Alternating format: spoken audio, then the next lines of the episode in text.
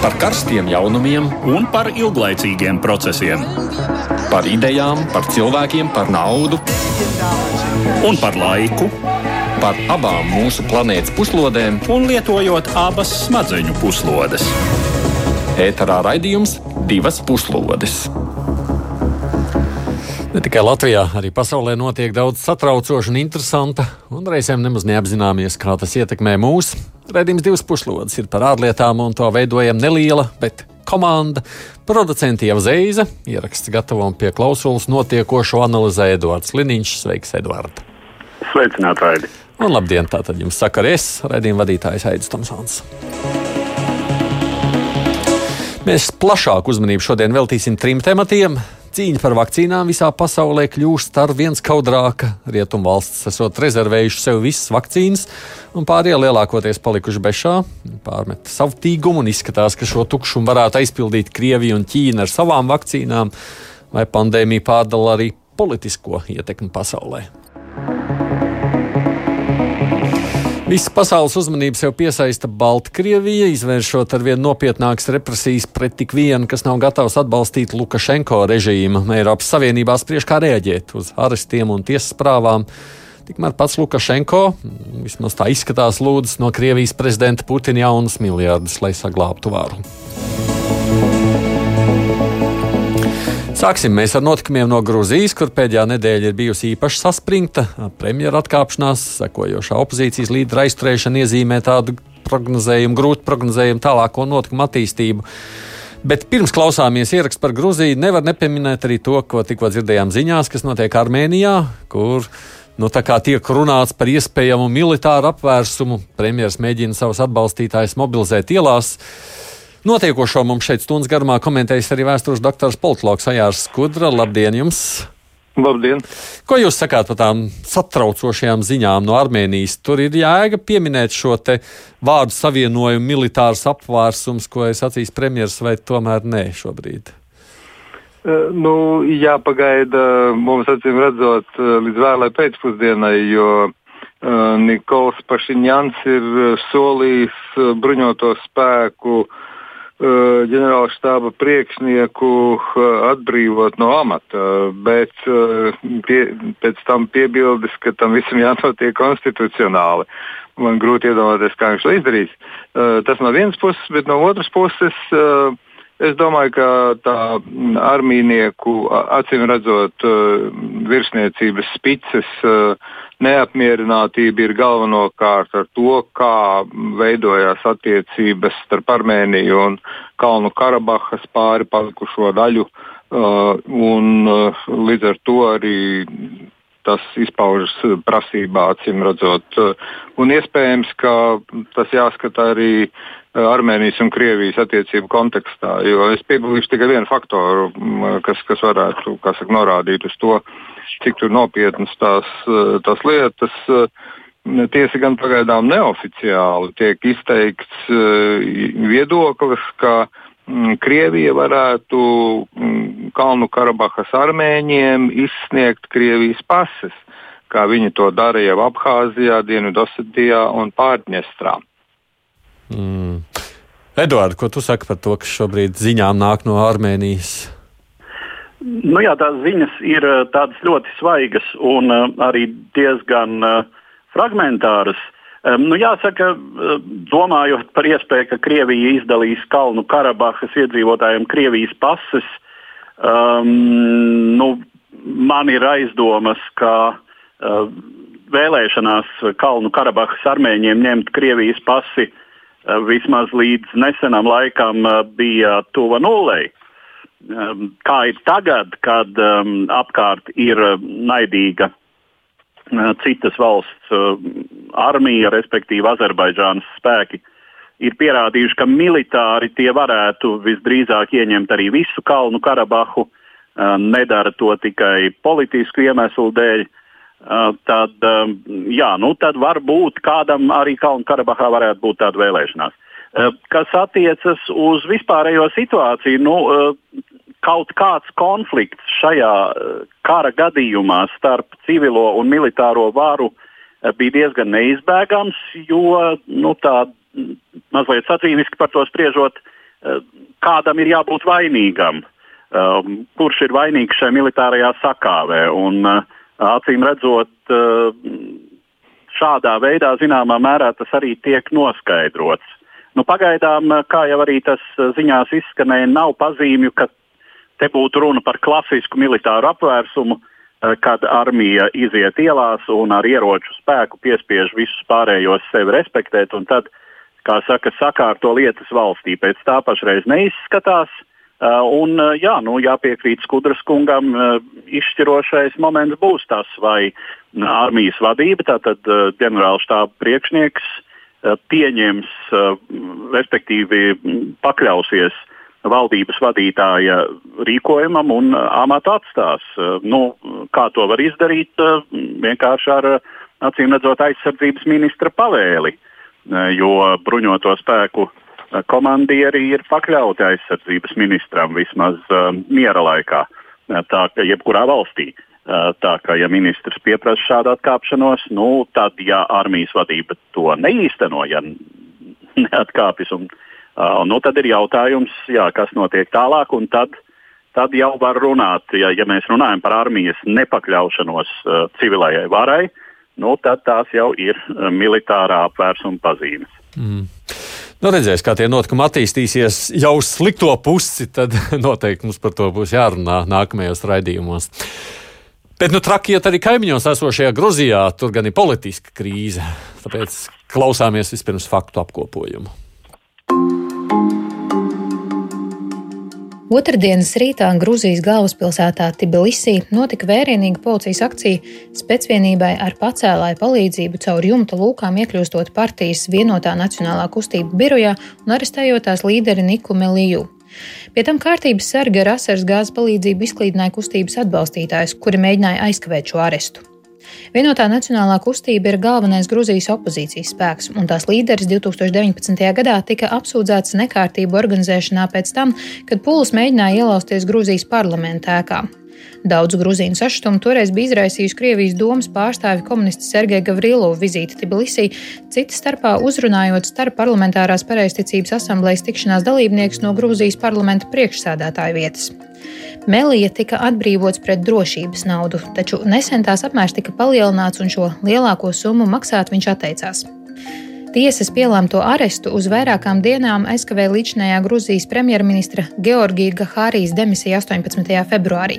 Tās iemesls bija tieši iespējamais opozīcijas līdera arests, kas var izraisīt jaunu spriedzes eskalācijas loku valdošās partijas Grūzijas sapnis un opozīcijas starpā. Savukārt jaunais premjerministrs Iraklīs Garibašvilī, kurš stājās amatā pirmdien, apņēmīgi īstenoja tiesas lēmumu.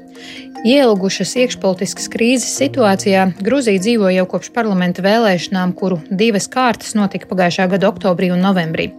Saskaņā ar oficiāliem rezultātiem vēlēšanās uzvarēja arī līdz tam valdošā partija Grūzijas sapnis, iegūstot 90 no 150 deputātu vietām. Taču opozīcijas partijas, vairums no kurām pirms vēlēšanām apvienojās sarakstā vienotībā ir spēks, vaino valdošo partiju vēlēšanu viltojumos un boikotē parlamenta darbu. Līdz ar to, kā savā komentārā izsakās raidsabiedrība BBC, Grūzija šobrīd faktiski ir vienpartijas valsts.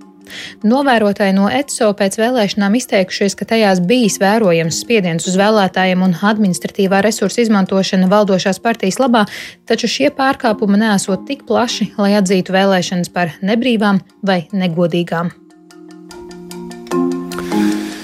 Kā jūs raksturot to, kas šobrīd notiek Grūzijā, Skudras kungs?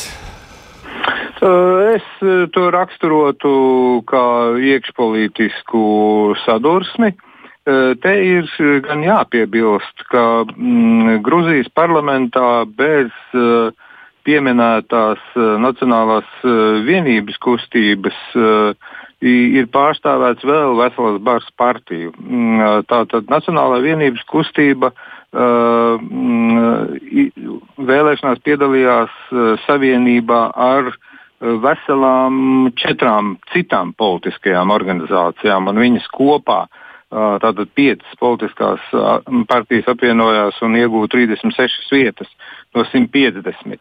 Tā kā tā, tad, valdošajai partijai Grūzijas sapnis ir 90 vietas, nu, viņiem ir absolūtais vairākums un, un opozīcijas tā darbība. Pat labi pašreizējā nepieņemot deputātu mandātus, nu, viņa ved tikai strupceļā. Neko viņi nepanāks. Tajā pašā laikā jautājumu, jā, nu, patiesībā, Edvards, tieši šis jautājums ir, vai, vai jēga, bija visu laiku tur, nu, jau gandrīz jāsaka, ilgs daudz mēnešu garumā protestēt pret vēlēšanu rezultātiem, kuri, nu, tomēr ir tādi, kādi tie ir. Jā, nu, vēlēšana rezultāti tādi, kādi tie ir. Te ir jautājums, otrā svaru kausā ir šie mm, demokrātiskām uh, un godīgām vēlēšanām neatbilstošie fakti. Eh, kuru uh, summu nu, šajā gadījumā, jā, starptautiskie novērotāji ir nosvēruši un atzinuši par vieglu esam, jā. lai mm, šo vēlēšanu rezultātus apšaubītu. Eh, tajā pašā laikā nu, ir vēl citi fakti, piemēram, tas, ka uz neatkarīgajām nevalstiskajām organizācijām, kas arī šīs vēlēšanas novērojušas uh, Gruzīnu uh, vietējās organizācijas, uz tām starp aba, abām vēlēšanu kārtām, respektīvi pirmā kārta, kurā tiek ievēlēti 120 deputāti no um, partiju sarakstiem, un otrā kārta, kur tiek ievēlēti deputāti 31 mandātu apgabalos. Uh, starp šīm abām kārtām uh, šīs organizācijas, nu, spriežot pēc tā, ko saka viņu pārstāvji, ir izjutušas spiedienu, viņu prasības, kā tas tiek teikts, ir principā pieņemtas un pat atzītas par pamatotām, uh, vainīgajiem pārkāpumos ir uzliktas soda naudas, uh, bet uh, rezultāti nav mainīti.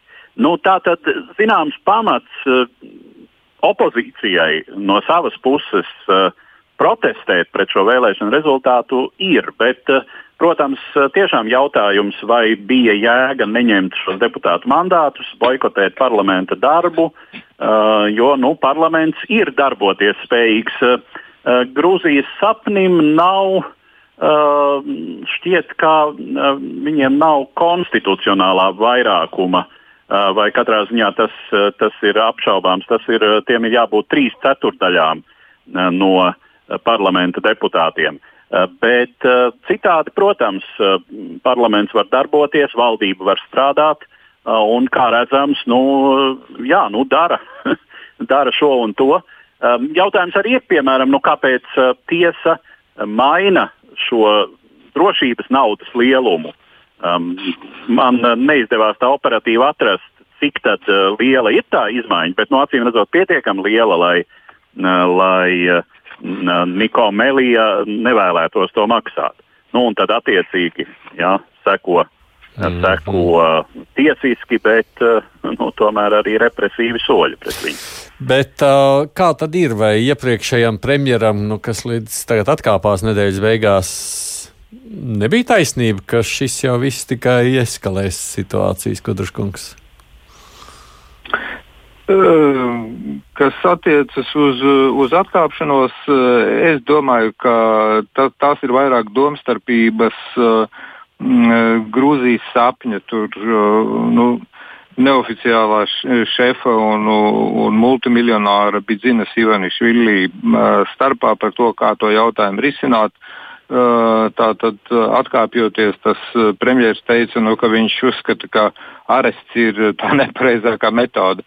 Bet es vēl gribētu piebilst, ka bez tām 90 vietām, kas ir Grūzijas sapnim parlamentā, Uh, uh, un bez opozīcijas uh, nepieņemtajiem 36 mandātiem ir vēl septiņas partijas, kuras ir pārstāvētas sākot no viena un beidzot ar pieciem mandātiem parlamentā.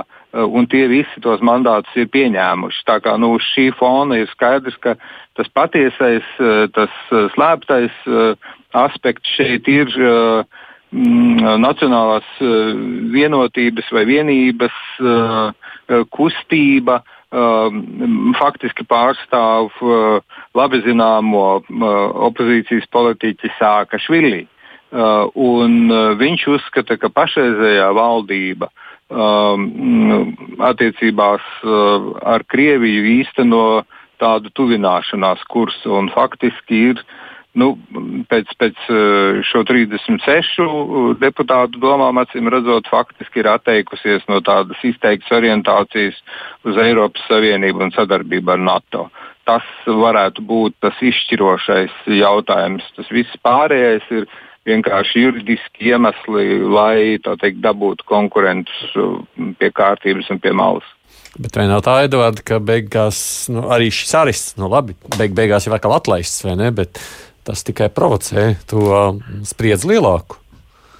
Nu, jā, un es droši vien arī piekrīstu, ka Grūzijas sapnis, kas izskatās, protams, pret visu to opozīciju, kā tāds liels monolīts, nu, diezgan neizbēgami tur iekšienē arī ir dažādi strāvojumi, un, kā redzams, tā tad mm, ir cilvēki, kuri ir gatavi teiksim, tālākai asai konfrontācijai ar opozīciju, un ir tādi, kas nav. Un kā jau Skudras kungs arī ļoti pareizi norādīja, nu, ir jautājums šobrīd, kas mums arī no mūsu politiskās vēstures ir diezgan labi zināms. Nu, ko nozīmē kāda partijas dibinātājs un Mm, diezgan ilglaicīgs līderis un pie tam multimiljonārs uh, kļūst par ierindas biedru.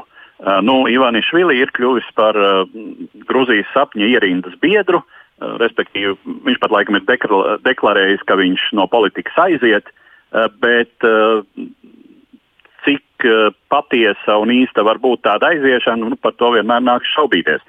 Lūk, tā kā, nu jā, par tālāko no vienas puses patiešām šai nesamierināmajai opozīcijai ir mm, par maz resursa, lai kaut kā radikāli acīm redzot šo situāciju mainītu sev par labu.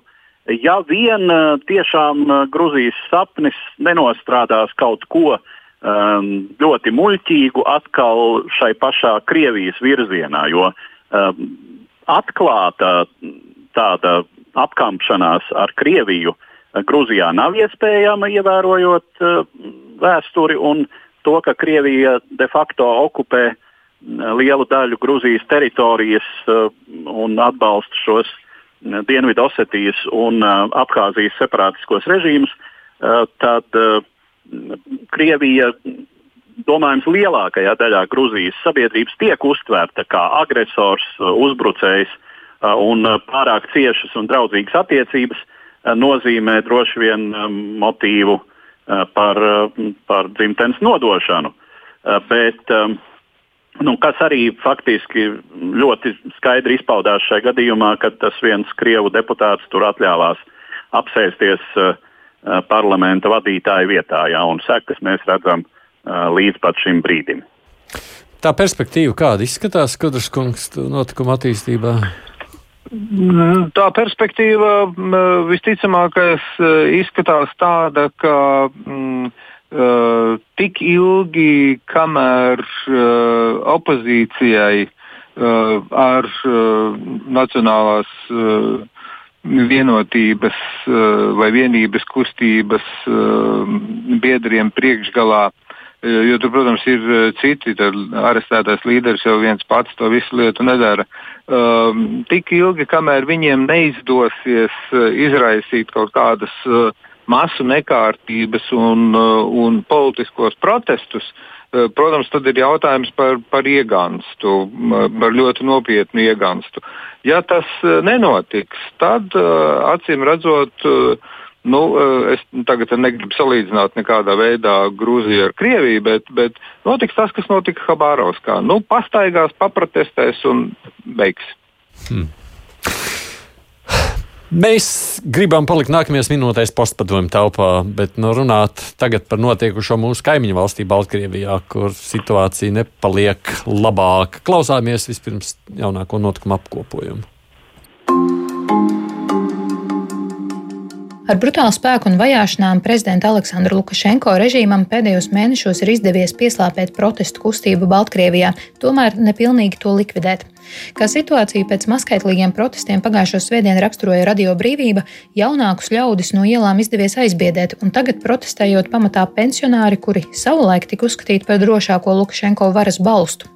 Pagājušo nedēļu visā valstī notika kratīšana vilnis.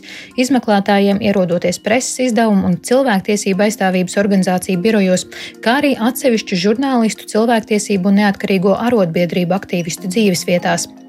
Plašāk aresti gan vēl nav notikuši. Tikām notiek līdzinējos protestos aizturēto tiesāšana. Kā izsakās neatkarīgā telekanāla Belsa direktors Aleksējs Dzikavinskis, tas ir īsts krimināla lietu konvejers. Šobrīd valstī notiek apmēram tūkstoti šādu procesu. Vienā no tiem divām Belsat žurnālistēm piespriesti divi gadi cietumā par tiešsaistes reportāžu no režīma atbalstītāja nogalinātā Romāna Bondarenko piemiņas akcijas.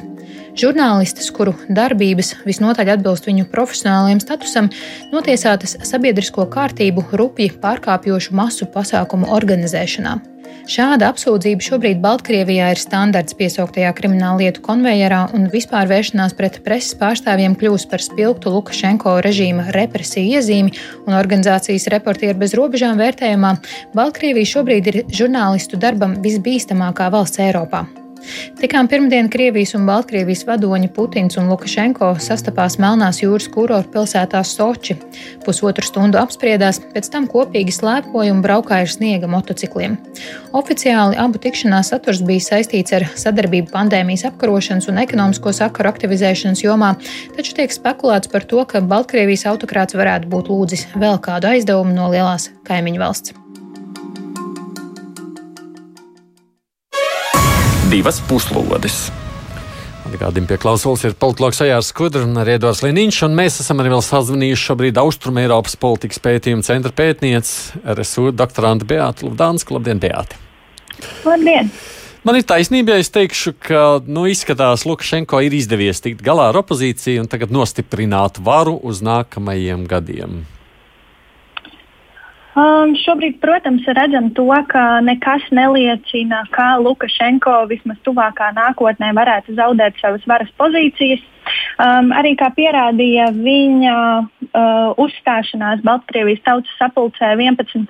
februārī, uh, tad redzējām, ka līderis ir uh, ne tikai gana pārliecināts par savām pozīcijām, bet arī uh, turpina būt valsts vadītājs un pieņemt attiecīgos lēmumus. Uh, protams, arī šīs represijas parāda to, kā Baltkrievijas valdība, Baltkrievijas līderis demonstrē savu varu. Uh, un ka tik drīzā laikā noteikti uh, neredzēsim viņu aizejot no amata. Vai kungiem, kas klausās, ir ko iebilst vai piebilst? jā, nu, jā, Skudrs. Nē, droši, droši. nu, tad es teikšu, pirmais Edvards un tad Skudrs kungs. Jā, eh, nu, droši vien, ja nekas eh, ārējs eh, Baltkrieviju vairāk nedas, nedestabilizēs, ja, teiksim, mm, vispārējā ekonomiskā situācija būtiski nepasliktinās, lai gan nu, tā jau nav spoža, protams. Ja tiešām Krievija turpina atbalstīt gan ar naudu, uh, gan acīm redzot arī ar Sputnik 5 eh, vakcīnām, eh, tad eh, visdrīzāk jā, nu, šie protesti.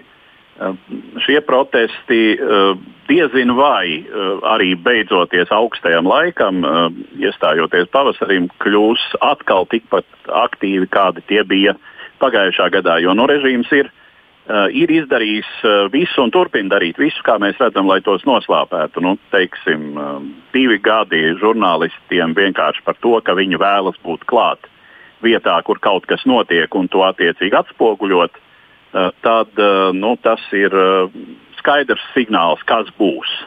Un es domāju, tādi signāli ierosināto tūkstošu, apmēram tūkstošu procesu sakarā būs vēl un vēl. Uh, un, nu, jā, cilvēki, protams, nav gatavi tā sacīt, gulties zem vilciena. Mm, o, jā, vai, jūs domājat līdzīgi? Tanka. Uh, tā tad uh, nu, es varētu atsaukties šajā gadījumā ne uz savām domām, bet uz to, ko ir noskaidrojuši aptaujā. Atklāti sakot, mazliet apbrīnīšos par to, ka nu, Lukašenko režīms ir ļāvis tādu aptauju īstenot. Berlīnē ir tāds Austrum Eiropas un starptautisko studiju um, centrs. Un viņi ir pagājušā gada decembrī veikuši 2000 Baltkrievu aptauju, kas dzīvo pilsētās ne mazākās kā 20 tūkstošiem iedzīvotāju vecumā no 16 līdz 64 gadiem. Un tā aptauja, kā viņi uzskata, ir reprezentatīva saistībā ar vecumu, dzimti un tātad, dzīves vietu.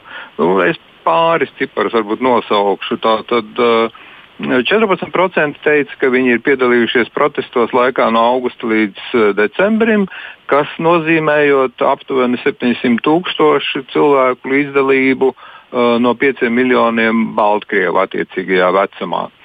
Uh, tā tad, uh, un uz šo jautājumu neatbildēja tikai 6%. Tiesa, iepriekšēja protesta pieredze no tiem, kas piedalījās, no tiem 14%, kas piedalījās, bija tikai 4%. Tā no tāda viedokļa, kā saka, tur nevar runāt par kaut kādu ilglaicīgu konsekvenci. Nu, tad jāteic, kas attiecas uz jautājumu par demokrātiju, 42% respondentu piekrita tam, ka demokrātija varētu būt vai, vai ir labākā pārvaldības forma. 13% izteicās par labu autoritārismam un 9% uzskatīja, ka pārvaldības formai vispār īsti nozīmes nav. Tiesa gan 33% atteicās uz šo jautājumu atbildēt. Um, ja, es atvainojos, precīzāk, 33% teica, ka viņi nezina atbildi uz šo jautājumu, un 4% atteicās atbildēt uz jautājumu. Nu, uh, šī aptauja, nu, tur, protams, vēl ir daudz citu jautājumu. Atsakot, šī aptauja liecina par to, ka mm, pilsoniskās sabiedrības potenciāls principā ir. Un man jāpiekrīt uh, kolēģei Kaķai Glodai, uh, kas, kas pārstāv Vašingtonā bāzēto mm, Eiropas politikas analīzes centru. Uh, un, un viņa ir tādā ļoti plašā komentārā izklāstījusi tos deficītus, kuri piemīt uh, Baltkrievijas pilsoniskajai sabiedrībai, un aicinājusi tātad, uh, attīstīt pilsoniskās sabiedrības ekspertīzes spējas, uh, um, izmantot tehnoloģiskās inovācijas, uh, saņemt finansiālu atbalstu, nu, legālu, protams, no, no Eiropas partneriem. Uh, Uh, un līdz ar to tādajādi ilglaicīgākā perspektīvā domāt par šīs demokrātiskās opozīcijas potenciālu attīstību un pilnveidošanu. Jo, jo viņas tā tēze ir, uh, ka, ka principā, kam es arī piekrītu, ka, ka Baltkrievija pārdzīvo novēlotu nācijas veidošanās procesu. Uh, novēlotu uh, saistībā, salīdzinājumā ar Krieviju un, un Uh, visām uh, citām teiksim, tā, uh, Eiropas daļā esošajām postkomunistiskajām valstīm. Mm. Ja skatāmies savukārt uz tādu ekonomisko spēju, tā turpināt, Beata, viss ir atkarīgs no tā, cik ilgi Putins balstīs. Jā? Un, ja viņš balsta, tad var dzīvot dajab kā. Uh, protams, ka mēs zinām, ka Baltkrievijas uh, ekonomika ir uh, tiešā veidā atkarīga no Krievijas. Daudzi ekonomiskie sektori ir atkarīgi tikai un vienīgi no Krievijas labvēlības. Līdz ar to tas, cik ilgi, cik ilgi Putins balstīs šo režīmu, var kļūt par vienu no, par vienu no faktoriem, kas nosaka to, vai Lukašenko atrodas pie varas vai nē. Kā mēs arī redzējām abu līderu tikšanās laikā Sočos, tad ir mainījusies, protams, arī šī Lukašenko retorika un arī Putina attieksme pret Lukašenko. Um, šobrīd uh, Lukašenko pozīcijas uh, ir stiprākas nekā tas bija iepriekšējā reizē viņa tikšanās laikā Sočos. Uh, mainījusies arī uh, Putina retorika attiecībā pret to, ka Putins uh, savā uh, savā šajā retorikā nenorādīja uz to, kā tas tika darīts uh, rudenī, ka Baltkrievijai būtu nepieciešama šī te, uh, konstitucionālā reforma un tādējādi arī šis varas tranzīts. Uh, līdz ar to pagaidām arī redzam to, ka Krievija izskatās, ka tuvākā nākotnē atbalstīs šo Lukašenko režīmu. Nu, man jau skatoties uz viņiem abiem, tad, kad viņi tikās sočos savos džemperīšos, bija tāda sajūta, nu, ka viņi jau tur tik ļoti tagad viens otram vajadzīgi, vai ne? Ka viņi grib vai negrib balstīs viens otru līdz kapu malai. Nu, šeit droši vien ir jāmin. Tas... Jā, pabeidziet, Beata, un tad Edvards. Jā, šeit droši vien ir jāmin vēl viens tāds ļoti svarīgs faktors, kas uh, parādījās šajā te uh, Lukašenko retorikā. Um, ja pirms tam dzirdējām, ka abas divas valstis ir jāvienojas par 30 uh, ciešākas integrācijas ceļa kartes uh, jautājumiem un aspektiem, uh, tad šobrīd Sočos jau parādījās tas, ka mēs runājam, ka abi divi līderi runā par 33 uh, ceļa kartēm, kas ir, kas ir jaunums, līdz ar to izvirzot jautājumu, kas tad ir šie atlikušie trīs jautājumi, kas uh, netiek publiskoti. Uh, un uh, izvirzot pamatotas bažas, um, kas noteikti ir Baltkrievu sabiedrībai un arī Baltkrievijas opozīcijas līderiem, uh, vai Lukašenko ne, ne, necentīsies kaut kādā veidā uh, apdraudēt šo Baltkrievijas suverenitāti, pret uh, kuru pats uh, iepriekšējā gada laikā tik strikti ir iestājies, ka tas, ne, uh, ka tas nekad nenotiks.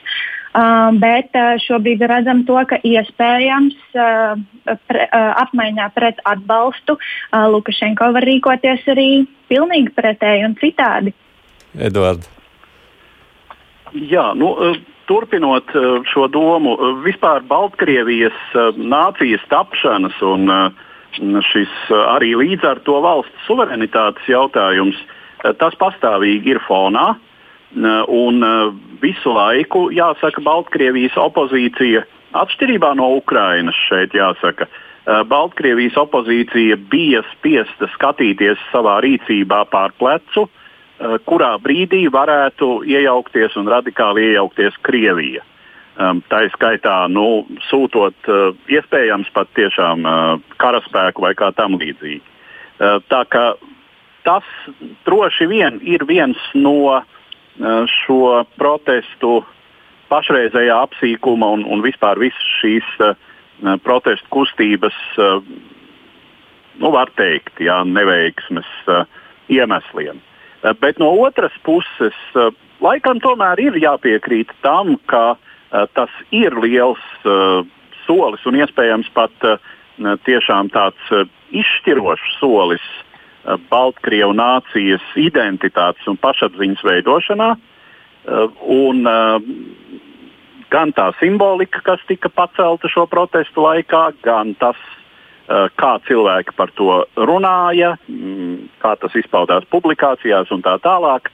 Tā tad, uh, Eh, katrā ziņā tā Baltkrievija, kuru mēģināja identitātes nozīmē būvēt Lukašenko kā tādu padomju savienības reliktu, eh, kā tādu eh, padomju savienības atlūzu, ar domu, ka ar to pietiek, ka pietiek teiksim, ar šo padomju vēsturi un viss pārējais, kas saistās teiksim, ar Baltkrievijas nacionālo uh, Eh, arī etnisko identitāti ir mazsvarīgs un uh, var palikt kaut kur fonā vai teiksim, folkloras ansambļu līmenī.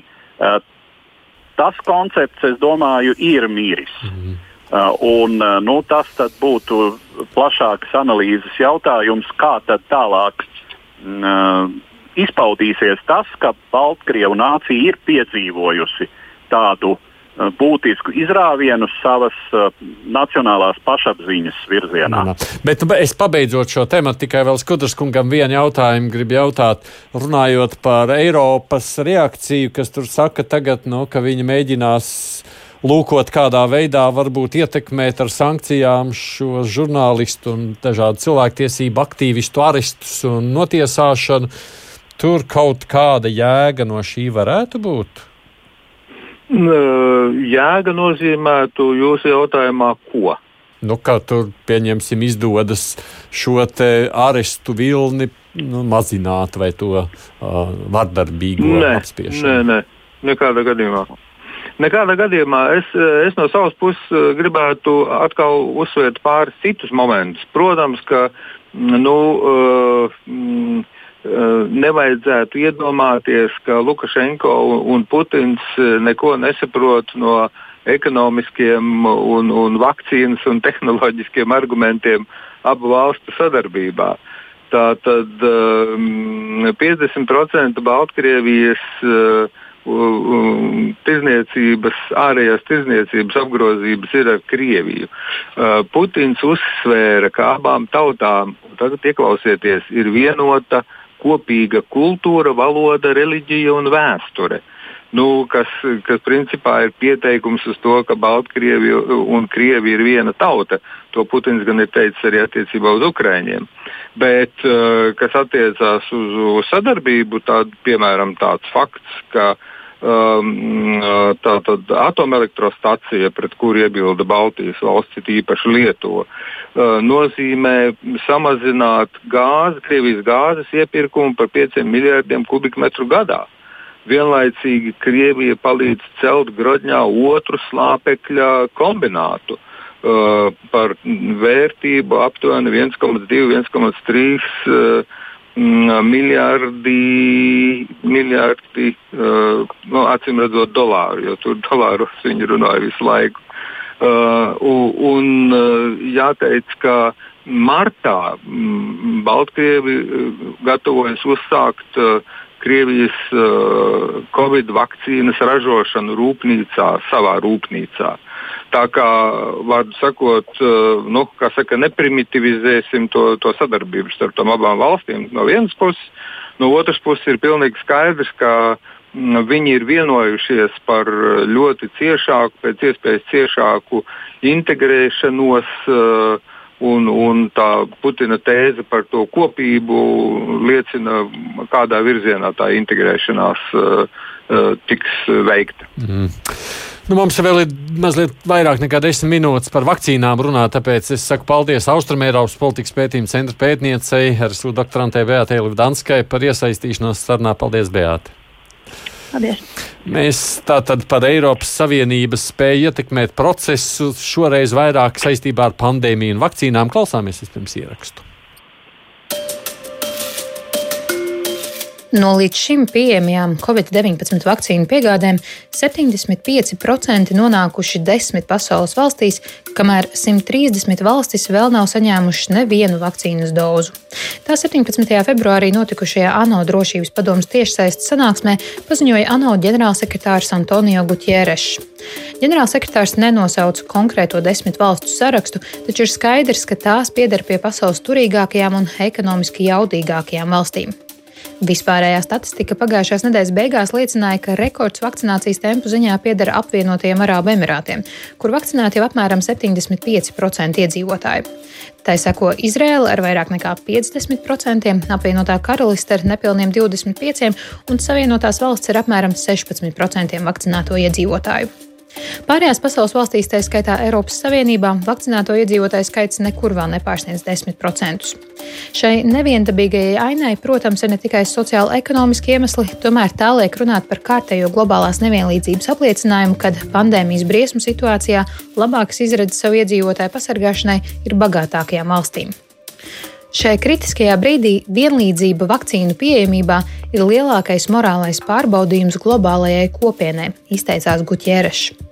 Vienlīdzīgāks vakcīnu globālās sadales mehānisms būtu jāizteno globālajai vakcīnu pieejamības iniciatīvai COVAX, kuru kopīgi izveidojuši Pasaules veselības organizācija un Globālā vakcīnu alianse Gavīt. Taču pagaidām tās pūliņi bijuši acīm redzami nepietiekami, un Gutjērešs aicinājis 20 pasaules attīstītākās valstis veidot šim mērķim īpašu rīcības komandu. Francijas prezidents Emmanuels Makrons aicinājis Eiropas valsts un ASV novirzīt 5% vakcīnu piegājuši tā saucamajām attīstības valstīm.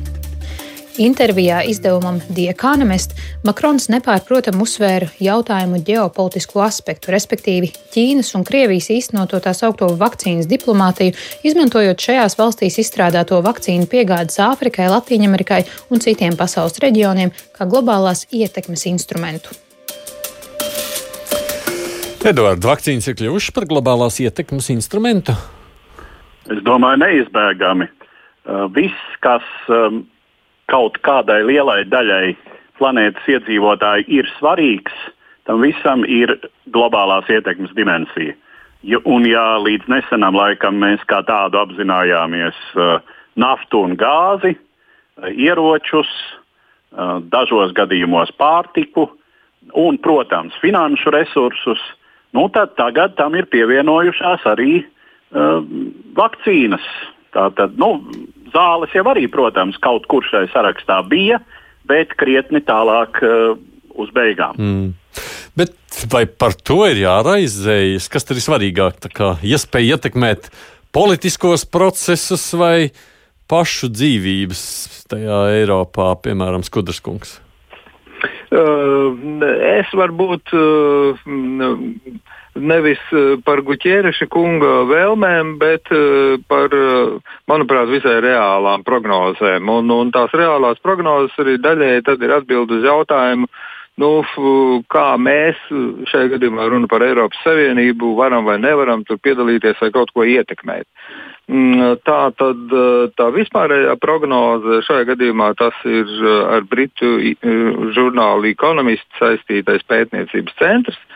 Viņi prognozē, ka attīstītās valstis 60-70% savu iedzīvotāju vakcinēs 2022. gada vidū. Tā tad, bet ekonomiskā atkopšanās būs globālajā tirgū vērojama sākot no šā gada vidus. Tagad ļoti ātri par reģioniem. Amerikas Savienotās valstis 60-70% šā gada otrajā pusē, Eiropas Savienība šā gada rudenī, Ķīna, Indija. Mm, tātad līdz 2022. gada beigām Uh, līdz 2022. gada vidum savukārt pirmrindnieces Āzijā būs Singapūra, Taivāna, Austrālija, Jaunzēlanda, Japāna un Dienvidkoreja.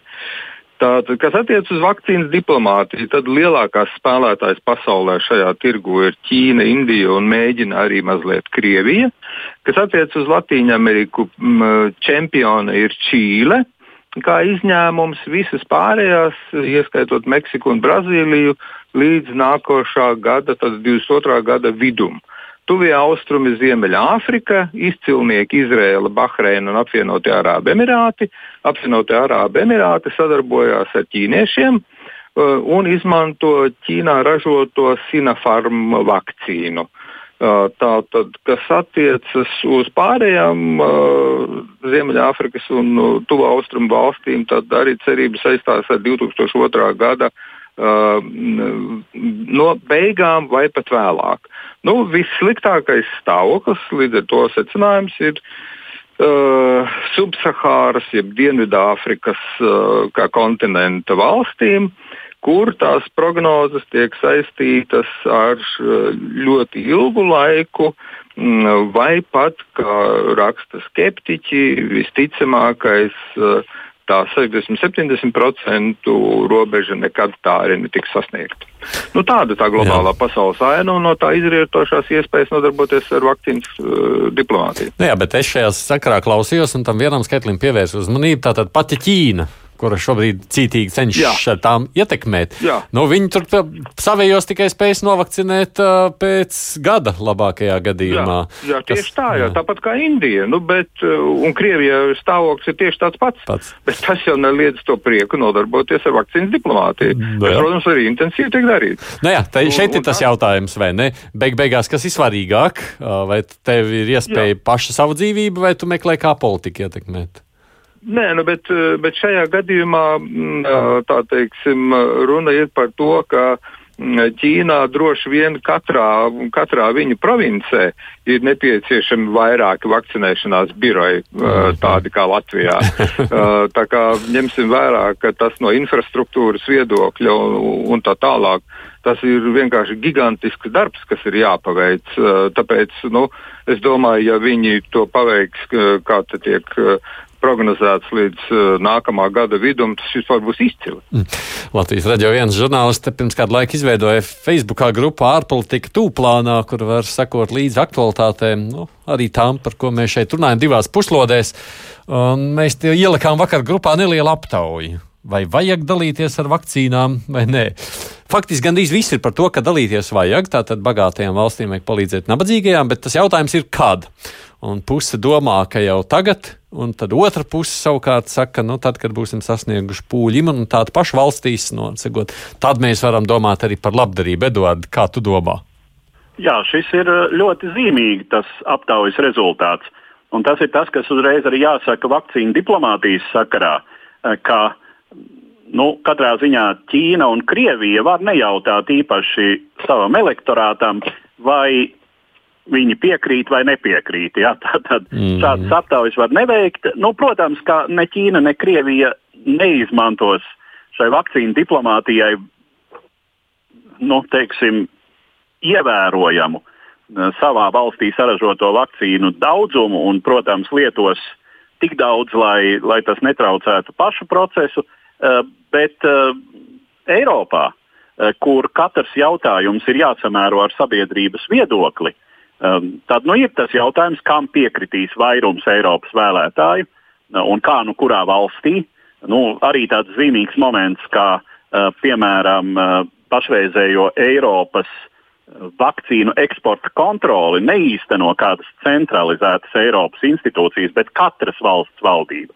Un šobrīd par to, cik vakcīnu tiks izvests no uh, tā ir AstraZeneca rūpnīca, ja, atmiņa man nebija ja, uh, Beļģijā.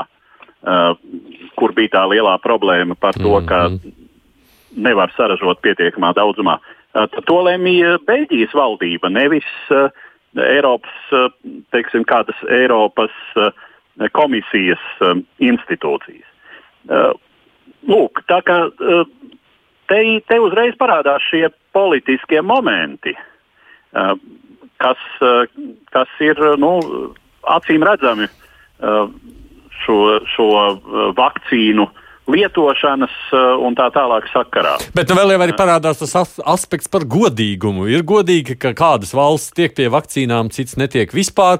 No otras puses, nu, kā saka, mēs taču ieguldījām šajās vakcīnās, Jā. tāpēc nu, mums jau, ir priekšroka. Protams, ir jautājums par to, uh, kāda ir vakcinēšanas stratēģija. Un tas, ko uzsver Pasaules veselības organizācija, ka būtu jānodrošina uh, lai vismaz uh, prioritārās grupas, uh, kas primāri, protams, ir mediķi, uh, un tad vēl citi dienesti, kas, no kuriem ir atkarīga valsts uh, situācijas stabilitāte, lai tie saņemtu arī šajās mazāk attīstītajās, nabadzīgākajās valstīs vismaz to minimumu, lai tur nesākas teiksim, totāls medicīnas sistēmas sabrukums, Uh, vai, vai um, valsts sistēmas deintegrācija pandēmijas rezultātā un tam līdzīgi. Mm, jā. Skatoties uz to visu, Skudraškungs, nu minūte mums apmēram sarunai, kā izskatās, ka būs kādas dzirdīgas ausis Makrona aicinājumam tomēr dalīties ar to, kā pašiem trūkst. Uh, nu, es domāju, ka dzirdīgas ausis būs, bet nu, jā, jāņem vērā, ka ražotāji tomēr ir privātie uzņēmumi. Uh, AstraZeneca vakcīna maksā viena doze 4,5 dolārus, Pfizer 25 dolārus, Modernas 47 dolārus. Nu, kādam par to visu ir jāmaksā. Mm. Un te ir arī tā, tā, tā, tas aspekts, par ko vienojās G7 valstis, ir īpaši ASV, Vācija, Japāna un Kanāda ka tā palīdzība jau ir jāsniedz ne tikai saistībā ar, ar vakcīnām, bet arī saistībā ar testēšanu. Uh, saistībā ar uh, slimo apkopi. Tā tad jāattīsta, jā, jābalsta veselības uh, aizsardzības sistēma. Un kā mēs zinām, uh, teiksim, beigsim ar, ar, ar piemēru no brālīgās Čehijas.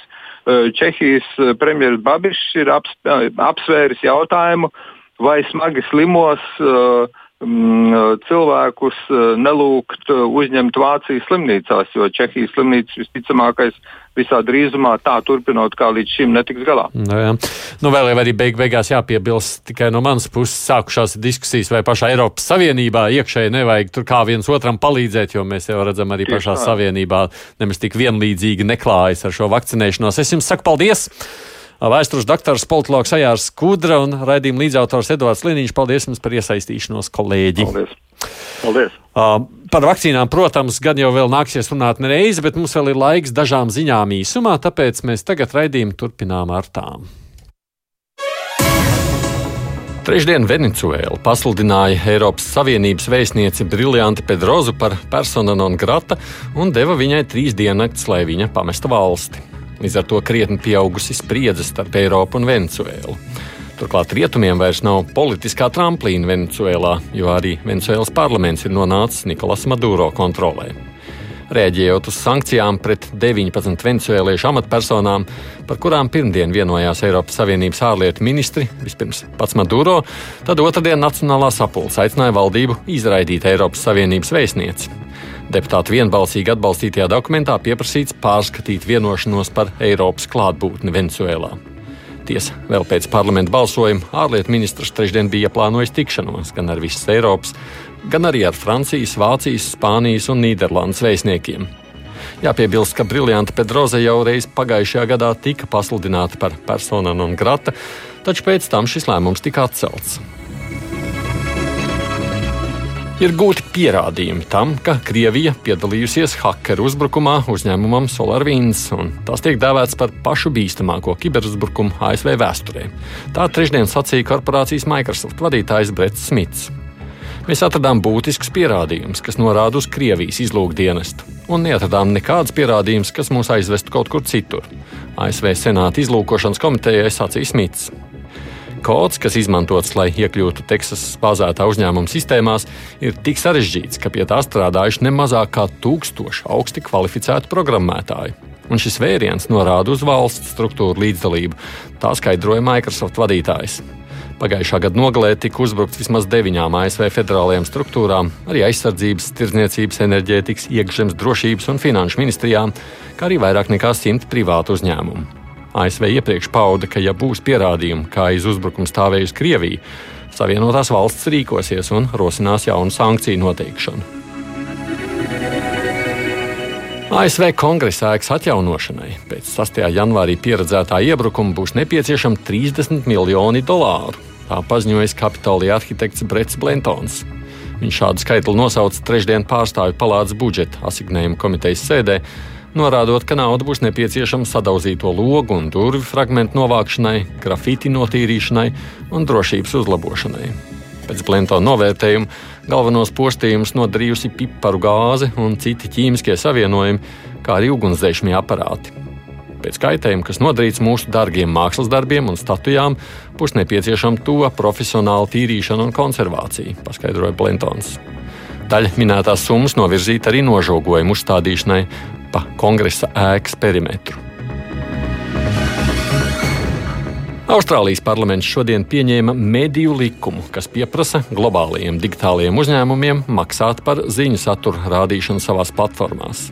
Likums tika viegli pieņemts pēc tam, kad ASV bazētie uzņēmumi Facebook un Google panāca vienošanos par samaksu Austrālijas ziņu organizācijām, lai netiktu pakļauts skarbiem noteikumiem pēc šī likuma.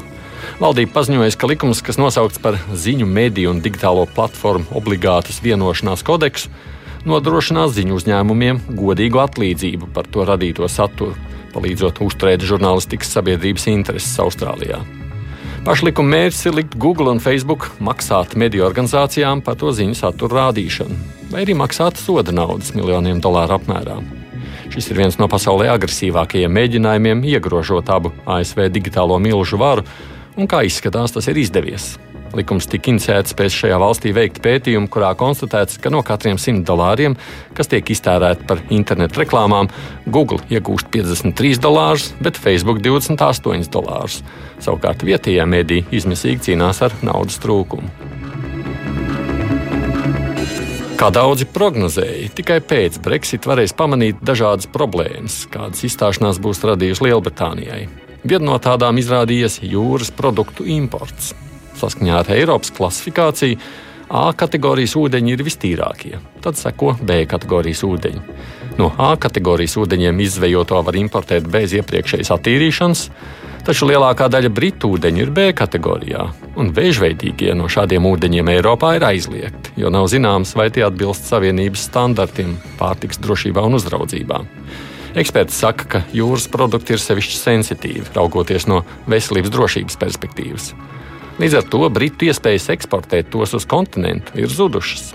Lielbritānija nu ir lūgusi Eiropas komisijai tikšanos šajā jautājumā. Briti uzskata, ka Savienībai nav zinātniska pamatojuma teikt, ka Britu moluski ir kļuvuši nedrošāki. Tā norādījusi Lielbritānijas vidas pārtikas departamenta pārstāve.